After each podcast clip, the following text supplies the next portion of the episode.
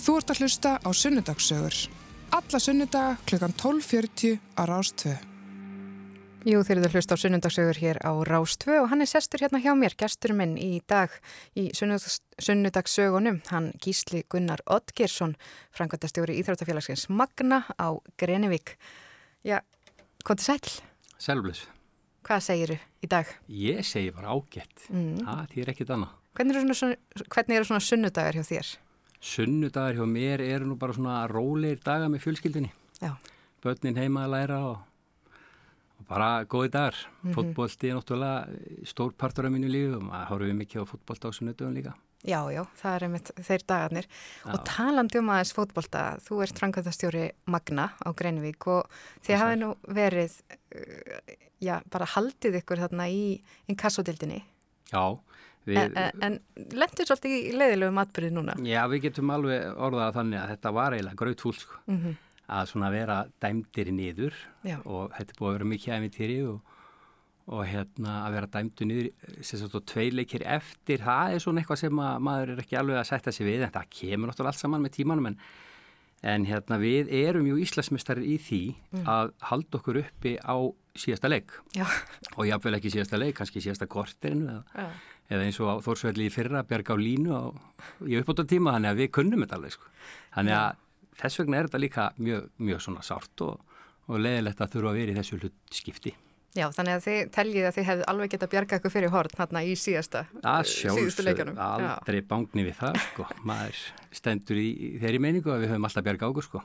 En þið farið þá í staðin í toppbaráttu í, í fallið ekki niður í hvaða ja, deild? við, föllum úr, úr hérna lengjudeldinni í, í aðra deildina Já, og jú, jú, það verður bara bíti skjaldar endur og það verður ekkert stoppað það Mhm. Er bara allt á fullt skrið og áfram, áfram gakk en um, fótboltin hefur nú verið bara partur af þínu lífi alveg frá því þú varst gutti, er það ekki svo? Jú, jú, jú, jú. Við, ég var náttúrulega alltaf að æfa fókbalt í gamla daga bara sjálfur á samtvinni mínum bara í Magna og við keftum þá í hérasmótónu sem voru í gamla daga og það voru mörg lið sem að, skemmtileg lið sem að voru þar og við keftum um alla trissur.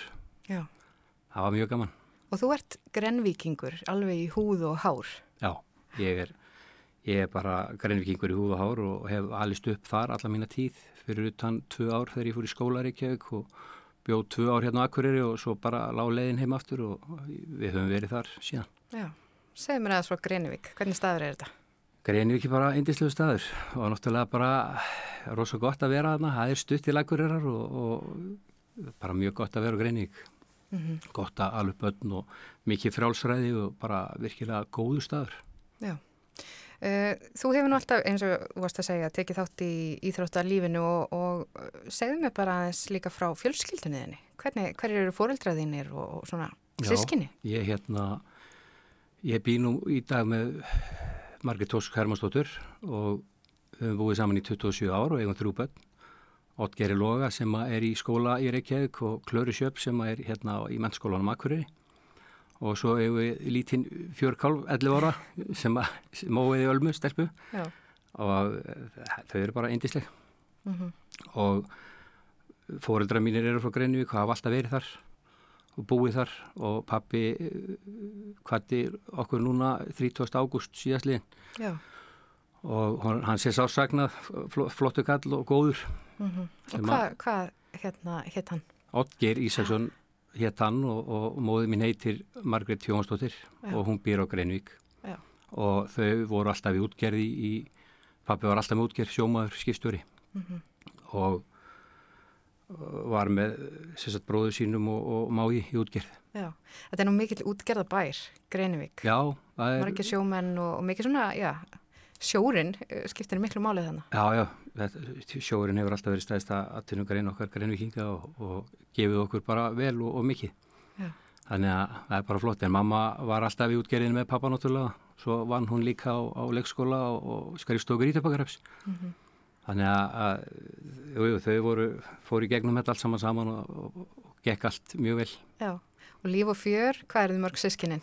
Já, við erum, við erum fjögur og ég er yngstur og ég hef ekkert farin eitt varhluta að því, sko.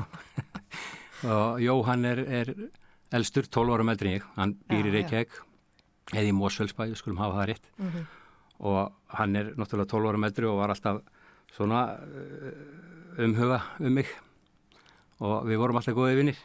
Svo er það Alma, hún er brautstjóri hérna í mennskólanum Akureyri. Já, já.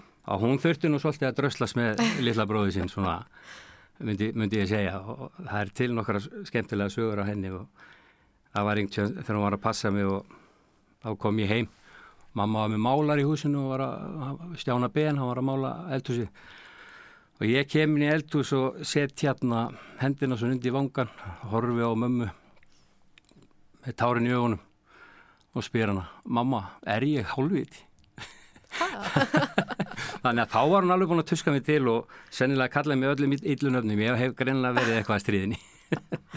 Já, þannig að það kemur, sem sagt, þú hérna bara lítið batspyrð eftir, og er þá sýstir þín búin að vera að segja að þú sért óttalegur vittlisingur? Algjörlega, búin að láta mig heyra sko þennan dag, en ég var farin að trúa þessu bara já, og spurði ég með maður þessu og já. hún reyngdi þetta náttúrulega en svo er það Ísak. Svona er þessa sýstur. Já, já, það eru svona þessa sýstur, en, en svo er það Ísak, hann er sex árum eldri ég og hafa nú oft svona fjör á milli okkar já. og góð minning með hann að hafa til grætt svona hægjendastóll sem var í stofinni og sagt, höfuð púðin hann var með svona steini aftan á sko og ja. þegar ég satt í stólnum og hann kom með vinni sína þá leiði ekki á löngu hann, hann tók grjótið og skuttlaði yfir stólun og það lendi hausnum á mér og þá fekk hann stólin hann er móli Já og uh, svo þú ert þarna í fótballtanum og, og, en svo ertu líka já, landsleismadur á tímabili í svona íþrótt sem að var svolítið vinsal hann á Greinivík. Já, það var bortennisbakterían sem kom til Greinivíkur já. og fyrsta bortennisborði kom til Greinivíkur 1982 og það var bara, þetta var bara aðal íþróttin á þeim tíma, það var náttúrulega lítil íþrótta aðstæða þarna á þeim tíma, þannig að bortennisborð kom sér vel. Mm -hmm og svo bara fengum við þjálfara frá Reykjavík, Björn Ingólfsson sá nú um þetta allt saman og, og var með þessi íþrótt á sinni könnu. Já. og hann var ótrúlega segur hann fekk þjálfara frá Reykjavík og þeir voru að koma kannski svona 2-3 ára á ári að kenna okkur svona undir stuðatri og það gekk bara vel Já. og það endaði þannig að, að við óttum fyrst, okkar fyrsta landslýsmann í bortinni Stefan Gunnarsson 1988 eh, og svo vorum við 6 árið eftir 1989 mm -hmm. og Magni Sérst að við kæftum fyrir hásþotn og við áttum sko held ég heldina 19 krakka sem að já. voru já í, í landsliðinu sko. Þetta er þetta svakalögu fjöldi út af því að þetta er nú ekki stór staður svona talað um höfðatölu og allt þetta því að þetta er bara verið öll í bortennis Já, já, það fóru já. bara allir í bortennis og, og það var slagsmál alltaf um, borði, um borðin sko já. og menn voru að mæta sko einum og hálfum tíma fyrir í skólan bara til að geta komist í bortennis á mótnana. Og það var skólastjórin í grunnskólanum sem að leiti þetta áfram? Já, já, hann sá alveg um þetta og, og bara, þetta var bara mjög góðu tími og, og skemmtilegt. Já. Fyrst og fremst, við fórum í keppnisverðir til Englands, Skotlands og fórum á mön og þetta var bara ógleimalegt að vera gutti í þessari aðstöðu á þessum tíma, bara mjög gaman. Mm -hmm. Þú eru ekkert alltaf að leggja þetta fyrir þig? Nei, maður svona, þegar úlingsárin komu að fá einhvern veginn datt þetta upp fyrir en maður mætti nú svona eina á eina æfingu og Já. því miður að þá er maður alltaf lattur í það að rifi upp gamla takta. en uh, svo uh, ferðu á sjóin líka, er það ekki? Jú, ég fór á sjó með pappa á fermingar árinu. Hann, þeir voru nú alltaf með bát sko, keft sér trillu með og ég fór með honum á línu 1987 og, og það var bara rosa gaman að fara með honum á, á sjóin þarna svona kviknaði svona kviknaði í þessum áhuga á sjónum Já. Hann var alltaf mikill og við vorum alltaf alltaf sem guttar og, og börna leik okkur mikill og bríkjónum og svona mm -hmm. En hvernig karakter varstu? Hvernig lýsir þér svona sem karakter? Herðu, ég var nú svona frekar rólugur framanaf en Já. samt virkur í höndunum ég var mjög handóður og hérna ég fór í heimsókn með mömmu til vink, vink kvennana hennar og það var æði ofta, ég var búin að bera allt úr stofun inn í eldhús og, og svona breyta hinn og þessu í húsunum þannig að það var, það gekk á ymsu oftar mm. Svona einn af þeim Já, já, já, já En uh, þú sagðir að, að það hefði kveiknað þarna áhugi á, á sjómennskunni þarna þegar þú fóst með pappaðinum á, á línu, Mhm. 14 ára gammal, en Já. var það draumurinn uh, að verða sjómaður sem þú hafðir haft? Já, það var náttúrulega alltaf svona í huganum að vera sjómaður og, og svo Ísak bróður minn var matrislumadur Mm. og ég, mér fannst gaman að elda og snúlast í mat og, og ég var nú eiginlega komin á þá línu að, að læra það. Já, kokkin þá. Já, fara í kokkin og, og hérna en ég byrjaði náttúrulega í sjómennskunni og var, fór á nettavertjar á veturnar og, og síld, síld austur og fyrði á, á haustin Já, og svo var ég í fótboltanum á, á hérna á sumrin Já. og bara svona upp á félagskapin aðlega að vera með vinnunum og, og hafa gaman Já. Og svo var ég að vinna með þessu þá var ég hjá bróðum mín í Mekoblast og ég prófaði svona hinn og þessi störf. Var að vinna hjá össavinni mínum í Esso á Greinvík og var í fristjúsinu þannig að maður prófaði svona nýmislegt mm en sjórin svona tókaði þig, Já, tókaði til sín. hann gerði það. Og það endaði þannig að, að ég og kona mín fórum suður og hérna þá ætlaði ég, var ég komin á samning á Argentínu, Steikhús. já. Ok, Og það er var- ekki alveg sjómennska. Nei, það var ekki sjónvarskan og það var ég svona alveg tvístíðandi hvað ég ætti að gera. Og ég fór og talaði við og það var komin samningur og allt klappað og klart. Svo bara fór ég þaðan út og sagði við kona, já já, ég er búin að ég ætla að breyta þessu. Nú bara keirum við stýrimannaskóli Reykjavík og ég sækjum þar og aðtöða hvert ég kemst ekki bara í stýrimannámi og ég gerði það og hætti við að fara í matræsluna og, og endaði í stýrimannaskólan Og þetta bara allt einn, á einum og sama deginum. Já, það var bara þannig. Ég byrjaði held ég einhverjum 8-9 dögum setna. Tókstu vakt á Argentínu eða bara snýrur við? Nei, ég bara... sneri bara frá alveg í byrjun. Sko. Þannig að þetta var, já, það greinlega, ég var greinlega mjög óakveðin, ungu maður þarna á þessum tíma. En samt. Já, já, ég, ég, já, já, ég fór í stýrimannaskólan og mér gekk mjög vel í því námi og það var gaman og kynntist náttúrulega bekkjafélagunum sem voru frábærir og við höldum svona ágæti sambæti í dag. Mm Mhm. Þyrfti að vera meira en, en já, já, ég, það gekk bara, gekk bara vel í Mhm. skólanum og, og svo var ég bara sjónum eftir það. Já. Sjómannslífið.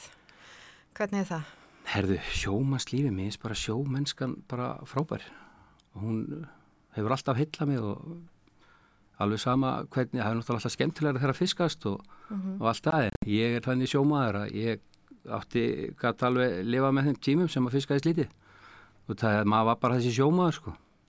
Þannig að, þú veist, maður þurfti bara að venjast aðstæðum hvort sem að fiskaðist eða fiskaðist ekki og það var bara, þetta er bara sjómennskan. Já. Hún er svo leiðis. En þú snýrið svo aftur uh, til Greinivíkur eftir stýrimannaskólan, veintalega. Já, ég var sem sagt hérna á Akureyri tvö ár og það var nú alltaf hjá mér með, með leiðvelir ekki ekki sko, Já. mér var svo gott að vera þar og ég sagði við korna að við förum nú til hérna Greinivíkur og, og, og prófum það árum við förum suður, það er svo stutt að fara og við höfum verið þar síðan. Er hún líka frá Greinivík? Já, já, hún er frá Greinivík, fóreldur Já. hennar búa hérna inn á Akureyri og, og ég, eins og ég segi, ég, ég náði í hérna bara á fnjóskabrúni, þau voru að flytja inn á Akureyri 1993. Mm, þú stoppaði það bara. Já, ég stoppaði það bara. Já, það er um að gera. Ekkert verið að hleypa þessu, hérna, hleypa of langt, uh, en ástinni of langt í burtu, sko. nákvæmlega. En þú ert þarna í útgerðinni með pappaðinu, með það ekki? Jó, hann var, var með útgerð á svont bróðu sínum og, og máju og ég var hjá þeim bara alltaf og, og var náttúrulega mikið með pappa bara í brunni og hann var nú náttúrulega var ekkert mikið að fylgjast með nýjustu tekni en samt gerða það en kunni ekki á tækin og ég svona var svolítið með honum í þessu öllu saman og við vorum meira og minna sama bara í 20 ára á sjónum, þetta var bara frábært tími að vera með honum og, og læra af honum Mm. og ég mun áfram læra af honum bara hann er á öðru stað ég, það er bara svo leys Já. Já, þetta er náið samstarf, hann að feðka. Já, það var mjög náið og við vorum alveg óbærslega góði vinnir og höfum alltaf verið og hann fylgdist mjög vel með mér. Já. Hvernig, hann hefur nú kunnað ymsa sögur svona frá bara sjómannstíð sinni, eitthvað sem að þú svona mannst eftir. Já, já, hann, hann var ótrúlega, ótrúlega segur, var náttúrulega ungur þegar hann byrjaði, mjög Já. ungur í sjómaskunni. Þannig að ég held að hafi nú gengið á ymsu svona oft sko Mm í, í þeirri sjómasku. En hann, hann var farsall og það, til dæmis hann var stoltastur af því að slasaðist aldrei maður um borð hjá hann Já, það er nú vel að sé vikið. Já, og var, ef einhver slasaðist þá var það kannski helst ég Já, með því að fara úr axlalið og eitthvað svona aðeins krasandi mm. Já. Nei, nei, hann, hann var mjög, mjög farsall og gekk vel hjá kalli, kalli. já. Byrju, hvað hétt útgerðin sem þeir voru með? Herðu, hún sem þeir voru með, það var hlaðir hétt hún Já. og þeir gerði út bátinn sjöfn og þeir áttu að mér minnir fjórar sjöfnir í gegnum tíðina Já, já, já. Og svo þegar hann hætti að þá ákvaðum við að kaupa okkur bát hann rétt fyrir hrun og, og við vorum í því í einhver fjögur ár Já, þannig að þú ferði í útgerðarbransan Já, líka. fór, Mm. fór, í, fór í nokkur ár í það Já, og rétt fyrir hrunið. Þetta er auðvitað góðu tími. Hvernig Já, það var gekk? frábært tími Herri, það, það var erfitt bara að fá kvota maður kefti bát og var að reyna að lega kvota og það bara gekk erfilega þannig að báturinn var seldur bara já, sagt við losum okkur frá þessu. Það var nú þannig og, og svo fer ég sagt á Hákon, það er svona næsta sjómennskan eftir það. Já. Þannig erum við komin, uh, þetta er svona árið, já, 2010, er það ekki, er þetta ekki sirka bát þá Já, að við erum að tala um? 2010-11 þá var ég að róa með, með tengdaföðu mínum hérna frá Ólasjöri, kerðinu þar á milli. Greinivík og Hinga og, og svo Ólasjörð já, og það var mjög góð- svæðið. Já, já, það var bara mjög góð tími en svo hérna 2011 þá þá svona breytti svolítið í mínu lífi Já. Já, það er þarna stór skellur sem að kemur og tekur við. Þú ert þarna búin að vera á sjó, þú ert í útgerð, þú ert bara á fullu í lífinu, þú ert komið fjölskyldu. Mhm. uh, svo kemur, já, stór skellur. Segðu mig frá því. Já, það var þannig að á sjómandeginu 2011 þá voru við á, á túninu hérna heima sem við höldum upp á þetta í fótbolta. Já, og svonum, þetta var eiginlega ótrúlega saga sko, amma og afi og langama og langafi, þetta er við húsin þeirra hérna og túninu þeirra. Mhm. og svonum minn var að taka víti. Ég var náttúrulega búin að verja eins og brjálaðingur hérna enn á sjómanda og gekk vel og, en svo þrjumar hann á markið og, og ég lendi einhvern veginn ón á boltan, varði nú samt víti sko en þá gerist eitthvað. Ég fer að finna svona óbáslega til og við erum með sjómann að veslun kvöldu og ég var nú mikið í því sko. Og var með vesluna og ætlaði nú bara vildi bara harkaða mér og gerði það. En ég bara komst, rétt svo komst í gegnum það. En svo eh, um nóttina þá er ég svona allar ómúlegur einhvern veginn og, og svo fer ég á klústið og ég held ég þyrta að æla eða hva, hvað að gera. En þá bara fer ég að pissa blóði og þá fer ég bara á mándinu strax í rannsóknir og, og mér er tjáð það held ég bara nánast strax eftir myndatöku að ég var með krabba minn og það kemur svo bara í ljós eftir aðgerð hvað það væri mikið. Það var búið að náttúrulega rannsaka með allan hérna á einhverju viku og það fannst ekkert annað sem sagt á, á öðrum stöðum sko. Þannig að það var alltaf meir og meir léttir sko. En svo fer ég aðgerðina einhverjum 15 dögum síðar og, og þar er sem sagt nýra bara tekið og það var svona meira heldur en við áttu vonu. Þetta var komið í nýrna leðarana og nýrna hettunar og þetta var bara hreinsað út og ég var bara það óbáslega heppin að, að þetta var þenni krabba minn að ég, það var bara aðgerð. já. En hvernig var að heyra þetta orð, krabba minn? Að Það þú, var áfall. Þú væri með krabba minn. Það var rosalega áfall, ég tók þetta rosa mikið inn á mig. Já, Þetta var erfiður tími, mjög erfiður og hérna þetta voru svona lítil hænuskref sem maður tók eftir aðgerð og ég mann fyrst í göngutúrin þegar ég kom heima ég ætlaði nú að koma mér að stað sko. En ég rétt hafði mig niður, ég átti heimi tvekjaðu húsi ég rétt hafði mig niður tröppunar og fór inn á, inn á gangstétt og með var það búið og, og upp aftur. Þannig að mér leiði ekkert á sko eftir fyrstu dagana. En svo kom þetta náttúrulega bara hægt og rólega og og ég vann mig út fyrir þessu á bara góðan hátt. Heimir í darra, hann tók mig í vinnu og ég fór að vinna bara svona klukkutíma, tvo tíma þannig ég fekk að ráða mig svolítið sjálfur sem var bara frábært hjá vinnu veit þetta að fá þann skilning já, og svo sem sagt held ég bara áfram að vinna og, og ég skilaði svo tíu, átta á tíu tímanum þegar mér fannst ég búið með það sem er svona, hlýs ekki svona sex mánuðin setna já. Sex mánuðum eftir, Já, eftir aðgerð. aðgerðina og, Já. og að krabba minni, þetta staðbundna krabba Já, minn já. var fjarlægt. Já. Og þá fór ég bara, sem sagt, taldi ég mig tilbúin að fara á sjóin. Já, það var alltaf sjórin sem var takmarki að komast já, aftur á sjóin. Já, já, komast á sjóin, Já, klart mál. Og hérna, og ég fer svo sjóin hann eftir áramótin. Mm -hmm. uh, voru læknanir hreifnir af því? Nei, þetta er nú ansi fljótt þeim, þeim fannst þetta Já. allt og snemt og, en það er bara, var keisla á lífinu og maður þurfti að fara að sjá fyrir, fyrir hérna, fjölskyldu Já. og ég fer á sjó og það bara eiginlega gekk ótrúlega vel, bara mjög vel. Ég man eftir einu atrið þannig var í lestaferð og þetta gekk bara ótrúlega vel fyrstu dagan og ég var orðin ótrúlega brattur og og við vorum að lifta þungum kössum í lestinni upp, í, upp fyrir okkur Já. og þá allt í einu gerist eitthvað ægilegu verkur hann að niðri og skursvæði og ég held hreinlega að ég þorði, ég, svo náttúrulega ég hætti bara strákarnir fóru öskra á mig niðri hvað djöðlum var í gangi. Haldt áfram að vinna dreikur Já, já, ok. En, en þá, þá var það þannig að það voru svo miklu samgróningar að það bara ripnaði eitthvað upp hérna sko. En það var nú ekki skurðurinn, ég átti vonaði að ég væri bara með allt í stífalunum hérna að hérna sömurinn hefði ripnaði en það var nú ekki svo, svo slemt Nei. en þegar ég held bara áfram og kom mér í rosa fantaform og, og gekk bara vel á sjón Þannig að það hefur í rauninu bara allir litið rosalega vel út og þú kannski bara hugsa betur um þig en, en áður en að þú fjagst krabba mér á eitthvað nátt. Já, ég geri það á þessum tíma, já. algjörlega. Þannig að það heldur bara áfram lífið á tilveran og, og, og og allt í blóma en þá kemur annar skellur í rauninni. Já, þá kemur skellur nr. 2 eins og ég segi alltaf sko. Og það, það var... tengist líka fótbolta. Já, Þetta er svona eins og eitthvað þeima hjá þér. Það tengist fótbolta sko. Ég, hérna, ég var búin að vera, ég var í gunguklub sem hitt Jæljagangur með tveimu vinnum mínum, góðum vinnum mínum, Atta, Atta og, og Gauta. Og við löpuðum alltaf hérna út á strönd heima.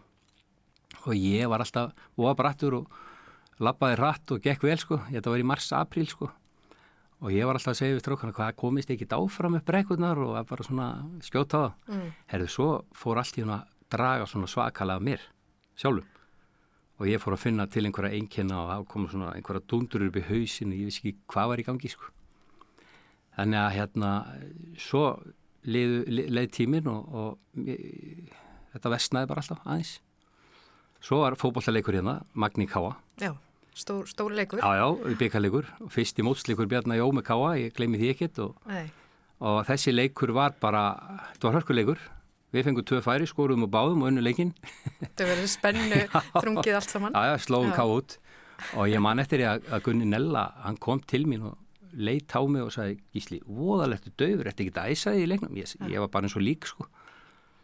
Og ég æsti mér náttúrulega ekki til leiknum, var bara fagnaði segurinnum aðeins og búið að ganga frá og það var stjórnamaður hérna með mér og svo fæ ég alltaf meir og meir í verki og ég byrði hann bara að kera mig heim til tengdu hérna upp í Glettatún Já, á Akureyri Já.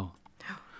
og ég kem þákað og þar bara koma þessir óbóslegu verkir og ég bara nýð niður og fer í nýpr og ég dett aldrei útsamt og ég askur á konna og hann að nýra á, á hérna sjúkrás inn á Sliss og við förum þanga og ég er þar allan tímar bara í bílnum trúið ég ekki að þetta geti verið eitthvað tengt maganum út að hafa búið að segja mér að þetta gæti ekki verið hérstað að klikka þarna. Það, ég væri bara bæði og ungur og þetta væri nú bara stressa og ála eftir krabba minni og eitthvað að stríða mér sko, mægin og eitthvað heldur. En svo kem ég í ágreislinu og þar nýja nýður aftur. Já, og þú helst væntalega að þetta væri bara krabba minni að taka sér upp aftur? Eða? Nei, Nei, ég bara var komin á þá að þetta væri eitthvað, eitthvað magatengt og eins og var búið að segja mér Já. en svo fer ég hérna, er ég kerður í börum hérna inn á einhverja stofuna og tekinn blóðpröfa í snæri og, og það kom ekkert út úr henni. Og þeir sögðist alltaf að taka aðra blóðpröfa og þá kemur í ljósa hérta ensíminn höfðu farið upp úr öllu valdi og, og ég hafði þarna fengið tvö minniháttar hértáfull Já. og ég er bara laður inn náttúrulega með, með snættri og er þar og fer í sjúkraflý suður semst bara á þriðutegin og í blástur setnipartin og þeir eru hérna eitthvað að eiga við mig og, og voru nú búin að vera svolítið tíma og það er ekkit að þessu segjar ég var svona bara hálf liðjaður að fylgjast með þeim. Þetta var svolítið sérstakt. En svo komum við í síðustu kransaðin og hún var 99% stíflu þannig að þetta átti sér allt skýringar. Já, og þetta var bara þræðing og, og var sett stónett og nett og, og bara á og, og þetta er bara, ég er bara í góður í dag Já, það hefur nú örglega verið gert svona smá grínaði að þú hefði fengið hjarta áfall á magnaleik. Já, já, já, þeir sögðu þetta, myndi taka, taka mikið á og fylgjast með magna í fókballan. Þannig að þetta er, er svolítið sérstaklega, þetta tengist bæði í fókballan. Samt á góðan hátt sko, eins og með skotið í Otgeilur og sinni mínum, já. að skjóta þarna og þetta kemst raunveruleg upp á því að ég lendi íla. Mm -hmm. Og lendi honum bóttan. Bara... Það kom öll á stað og það er bara happ. Já, í rauninni. Já, þetta er þá ykkurdast miklu uh, setna þetta krabbamenn sem varst, þá var búin að Já, það var búið að vera hann í grassera í einhver mörg ár. Já, en er hvað Magni búin að gera eitthvað fyrirbyggjandi aðgerðir, svona er alltaf sjúkrabíl á kantinu, þú ert viðstattur og svona, hvernig er þetta? Það er nú, er nú spurninga, það er bara, það er hjartastutæki sem komið dægin. Já, já, það er nú gott að vita. það er gott að hafa það á kantinu þegar maður er með þessa fórsug. Já, akkurat og við ætlum nú að hérna fá bara núna smá auglýsingar, við ætlum að taka aðeins hlið á frásögninni og fá auglýsingar og, og heyra hérna uh, í smá tónlist og svo höldum við áfram en það er hann Gísli Gunnar Ottgersson sem að setur hérna hjá mér í Sunnudagssögum.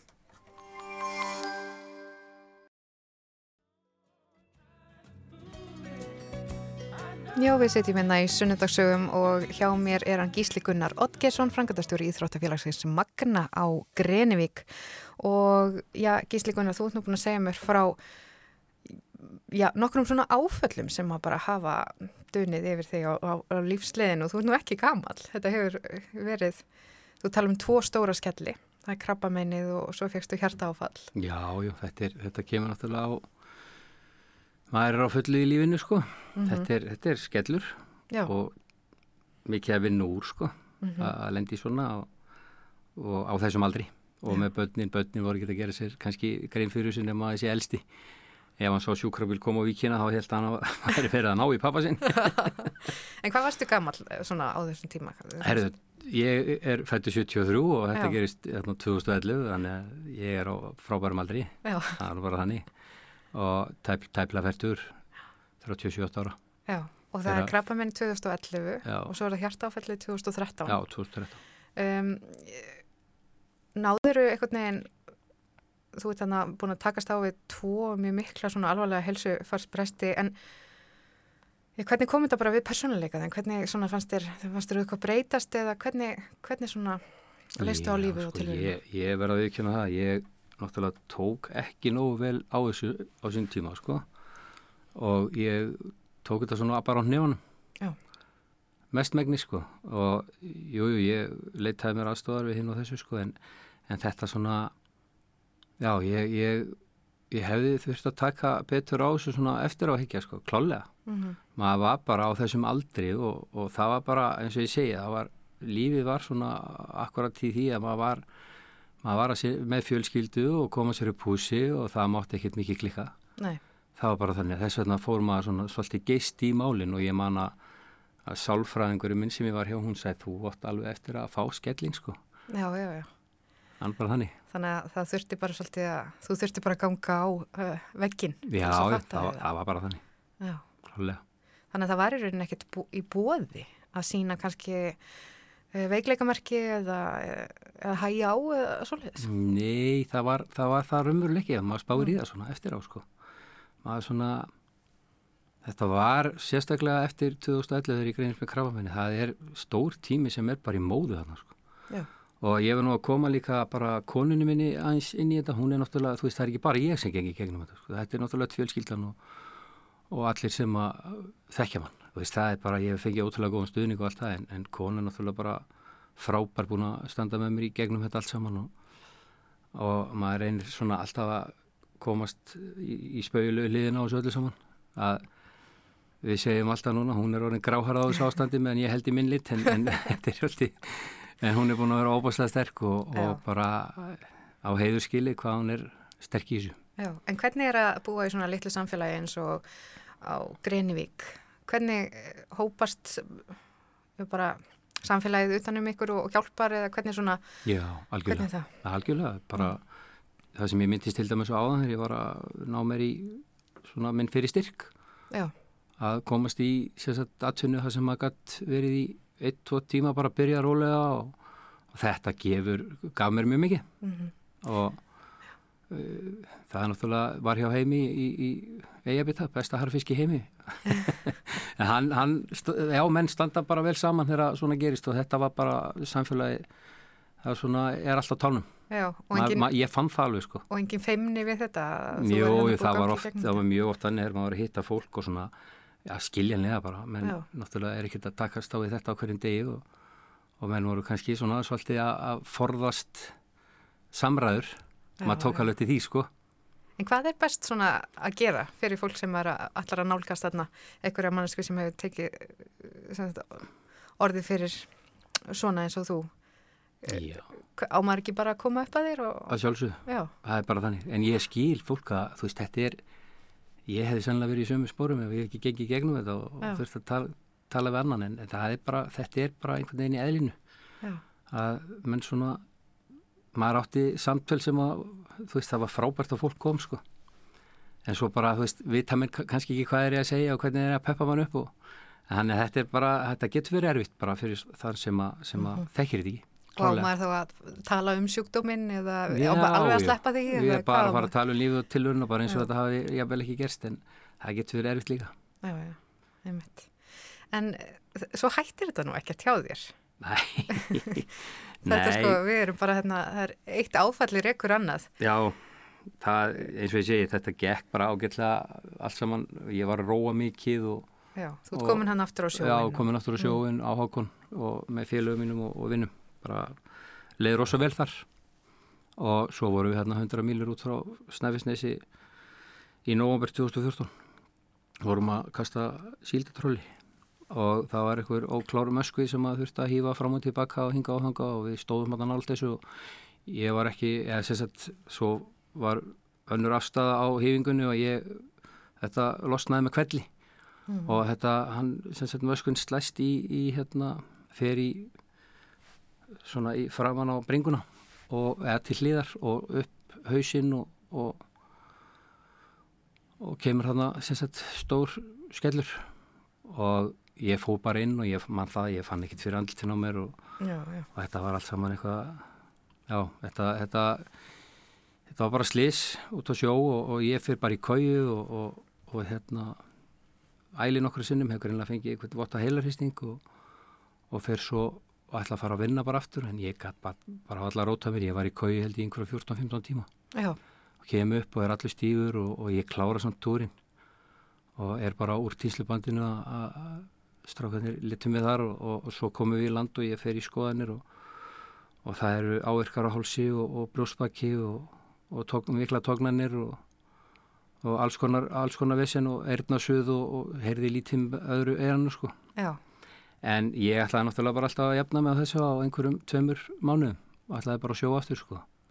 Já, bara eins og þetta væri ekki neitt neitt. Já, eins og þetta væri ekki neitt neitt en, en svo bara hef ég ekki farið að sjóa aftur og og þetta var bara, þetta vestnaði bara vestnaði og vestnaði með tímanum. Og þetta er bara ótrúlegt hvernig já, stóðkerfið líka mann bara einhvern veginn hrundi og já. grindin skökk og þetta er, þetta er bara ég á í þessu, sérsagt, alltaf En þú ert þarna uh, út á sjó þegar þetta gerist og það kvarlaði ekkert að því er að byggja bara um að fara í land eða, eða þú klárar túrin, er það alveg bara já, að þú ætlar að klára túrin? Já, þetta voru einhverjir þrýr dagar held ég eftir, eftir, eftir, eftir þetta gerði sko sem að og við kláruðum bara. Mér Já. fannst það ekki vera sagt, í bóði það er bara að klára túrin, góð veiði og koma með fullskip í land. Þetta hefur nú verið svolítið hjá þér í gegnum eh, öll þessi áföll. Þú ferð svolítið á nefanum í gegnum þetta. Já, ég fer svolítið á nefanum og er búin að gera það og, og eftir þetta slýst þá svona, fannst mér það gekk einhvern veginn, ég var ekki að setja mig við þetta allt saman en svo bara kemur, það bara fylltist alltaf meir og meir í pottinum og fór að sjóðu upp úr og, og einhvern veginn þá, það var einhvern veginn alltaf á móttímannu og mann man svona var ekki alveg að takast rétt á þetta en svo bara kemur já, ég bara hrundi alveg já. þarna 2016 Og hvað, hvað fælst í því að hrinja svona alveg? Já, það var bara líka minn og, og handlega hliðin og það bara fór einhvern veginn allt mm. neru við og ég ákvaði þarna á þessum tíma þegar fjölskyldum var sopnuð eitt kvöldi að bara taka stöðuna og ég fór nér á Bryggju það sem ég leið best. Og tók svona eitt góðan allserjafund með sjálfur mér. Allserjafund, já. Og við vorum bara, ég var bara að tala við sjálfur mér og, og fara yfir stöðuna. Já, og þar, ég var einhverja þrjá tíma og það gekk ekki mislegt á í því, því samtali, já, já, já. Og það er þessi veggur sem mæntalega Já, já, sálfræðingurinn sagði að þú myndir eitthvað að það, já, já, það var bara Mhm. akkurat það. Já. Þarna bara hrundi bara einhvern veginn lífið og tilvöran bara á þessum tímapunkti þarna um hausti 2016 og ég er bara ekki við mér. Og þá áttaði ég mig á því að ég þurfti bara að gera það sem ég þú veist að, að sækja mér að leita aðstofur og allt þetta í lífinu. Já. og ég hafa búið að sækja um fyrir mér Reykjavlund og ég held að það hafi verið viðsnúningunni sem ég þurfti. Það var bara staður sem að tók vel á mótið mér og bara frábær staður í, í alla staði Þarna greinilega var bara uh, þessi tækni þín að fara hlutin á hnefanum og bara sérast á þessu, hún gekk ekki lengur. Nei, hún bara gekk ekki lengur Hefðuru hefðuru viljað gera eitthvað öðruvísi þarna fyrst, að fara ekki alltaf svona á hnefanum? Já, að sjálfsögðu þegar maður lítið tilbaka þá hefði maður viljað gera það Já. taka svona meira heilstætt á hlutunum ekki bara kera sig áfram, kera sig áfram sko. Mm og en það var samt svona, ef maður lítið tilbaka bara mjög gott samt að þetta gerðist. Að ég þurfti virkilega endur skoða allt sem ég var að gera og, og, og taka heilstætt á hlutunum. Og þar eins og ég segi kemur Reykjavlundur inn, inn í uh, málið og þeir, ég var í verkja meðferðum og, og alls konar bara því líku staður sko. Já, og þar eru yfir þjálfar og, sálfræðingar, hjúkunarfræðingar, læknar, nuttarar sjúkraþjálfar mm ég var hjá Nikjara og veist ég fyrsta leit skipti, hefði bara já, allar aðstofar og ég talaði prest, prest Pál, Pálmi, vinnu minn, Matíðarsson, frendi minn ég, hann er búin að hjálpa mig mikið já, og bróður hans Gunnar Rúnar með stuttum nýttmiðum góðum símtölum. já, já, já, þannig Þannig að þú sækir í trúna svolítið. Já, ég geri það. Mm. Ég hef alltaf verið trúaður, þótt að ég sýnið ekki með að fara í kirkjur og eitthvað svo leiðist. Þegar ég var skipstjóri til dæmis hjá pappa og þá fór ég alltaf klukktíma fyrr og fór inn í klefa og tók biblíuna og las eina línu Já, já, og hérna bað svo fyrir áhöfn og skipi. Þannig að það er, ég leitaði svolítið í það. Það er náttúrulega, veit þetta enginn skiluru, en maður er svona að opna sig svolítið í þessu. En þetta bara hjálpaði mér og ég hef alltaf, alltaf leitað svolítið í drúna í þessu líka. Já. En svo, þarna á Reykjavílundi kynntist ég, kynntist ég verkvari sem að heitir HAM, sem er hugan aðtiklis meðferð og hún reyndist mér rosa vel og við þórum okkar til lífsins að mútast að fyrir af reynslu okkar og bakgrunni. Og hamið tekur uh, rosalega inn í þar og maður getur notað sem verkfæri. Sem sagt maður tekst á í tilfinningar, hugsun, hegðun líkamlega enginni og lífið og tilvöruna og, og þetta er bara það sem maður þarf að vinna úr. Mhm. og ég til mig hafa gert það. Já. á, á bara þokkulega góða máta á þessum tíma. Þótt ég sé það kannski hvað á ég að segja, ég er svona er ennþá samt í því að þegar ég er mikið verkjaður að þá fer ég á fullt Já, ok. ég er bara tekst á við, við að þannig sko og ég er svona eins og flugan þegar ég er honin slæmur og flýja á vegg og fer nýri gluggakistu í nokkar daga og jafna mig og, og kem svo bara upp áttur Einmitt. Þannig að það er svona að finna þetta jafnvægi. Já. Þú veist, ég er þar ennþá. Að, að finna jafnvægi í daglegu lífi og allt það og mér langar á sjóin og ég ætla á sjóin. Ég ætla einhvern tíðan að fara túr á sjó og ég er ekkit, þú veist, það er kannski svona eina sem ég sætti mikið við í öllu þessu ferli að komast ekki á sjó. Mhm. Að vera með félagunum og vinnunum og gera það sem ég gert alla mína tíð. Og þetta er það sem að, það sem að situr mest í mér. Og ég á vonandi bara eitt góðan veðu dag. Kannski er það bara jákvæðinin og bjart sínin sem að sem að íti manni áfram í þessum hugsunum sem er bara gott. Mhm. En svo fórstu í uh, virk líka. Já, ég fór í virk og, og það var bara frábær stað líka Já. og það var alls konar svona námskeið og, og sem að sagt voru í búið þar og þar heitti ég fullt af fagfólki líka og hérna og í virk ákvaði ég að skella mér í, í smá nám Mhm. og sem að var bara frábært sölu markas og rekstarinn Já. og ég var í því sagt í eitt ár kynntist góðu fólki þar og það var skemmtilegt í þessu námi Já. og ég tók með mér inn einmitt eh, sagt eh, vellir að hún við það vjú, það er sagt gisti heimili sem að félagi minn ákvað við myndum reyna að fá okkur og honum svona, hann var bara að reyna að hafa ofan fyrir mér og þetta átti að vera svona skemmtilegt bara Já. verkefni Og, sem hefur undið upp á sig. Já, eins og svo margt sem þú tekst á við, það vindur svolítið upp á sig og stækkar. Já, þetta er, við kiptum hérna lítið hús á Greiningi sjábakkan, rosalega fallet hús og, og þetta átti bara að vera svona aðeins félagskapur að geta Já. farið og opnað einn ein kaldan hérna, viking eða eitthvað og, og bara verið svona saman. Já. En, en hérna, fyrsta árið þá þetta bara sprakk út af næstur, við, við vorum svona að reyna að telja saman og við ætlum að reyna að selja 37 nættur árið þannig að við getum svona rekkið húsið. Mm. en fyrsta árið fór bara vel yfir 200 nættur og þetta, bara, þetta hús er fallegt sjarmirandi slæri gegn í útlýtingum og bara, já, frábært. Og enda náttúrulega þannig að ég gæti ekkert verið við þetta og við þurftum að fóku starfsmann og sem er bara gott. Og sem var við þetta. Einmitt. Hvað hefur verið að takast á við eða hvað hefur verið að gera svona fyrir utan bara að vera í fullir í vinnu við að ná bata Já. Hvaða verkefnum hefur verið svona að sinna? Sko, verkefni sem er náttúrulega mikið bara fyrir íþróttafélagi og ég veit það í dag að sjálfsög að ég á að vera einblýna miklu meir og sjálfum að ná mm. meiri og betri bata en ég tekst á við þetta svona eins og staðin í dag að fara svolítið í hlutina Mm -hmm. Heldur þetta að sé karlmennskan, er, er þetta þessi eitraða karlmennska sem er svo oft að tala um eða er þetta bara, hvað heldur þetta að sé? Ég veit ekki, það er mm. kannski sambland því og að vera virkur.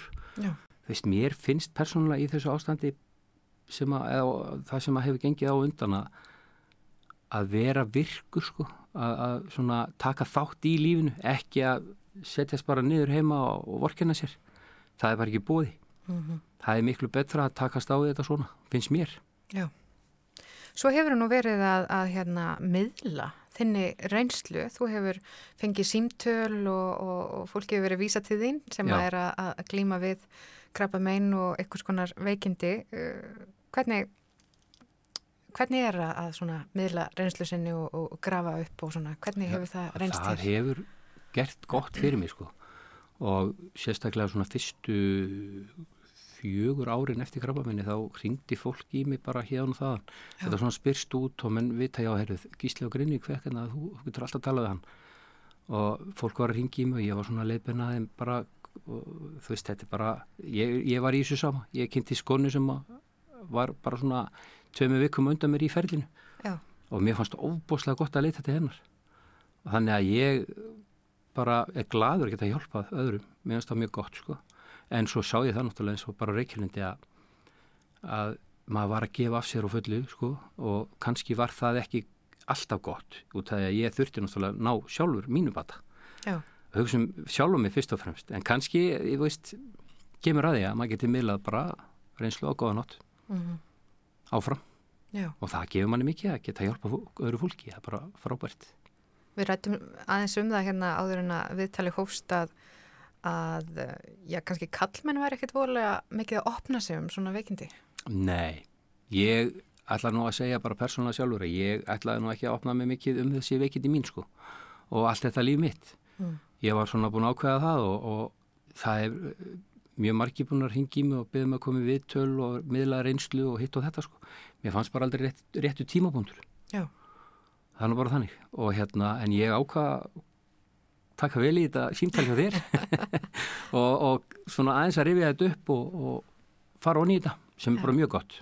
Já, það er auðvitað maður þarf að hugsa um, um sjálfan sig og, og að ná bata og svo að miðla og hérna og gera þetta kannski allt svona einhvern veginn eh, saman, samstíka í því. Já, að sjálfsög þarf að gera það. Mm.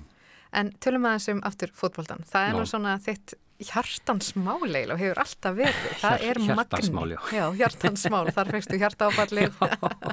Það, það er mitt já, börnin hafa verið í fótbolltan náttúrulega bara frá því voru ung já. öllu sömun og það er fótbollin á okkar svona stóran sessi lífi okkar En hvað er í vatninu á Greinvík? Er, bara, það er nú alveg ótrúlegt að sé hérna Já.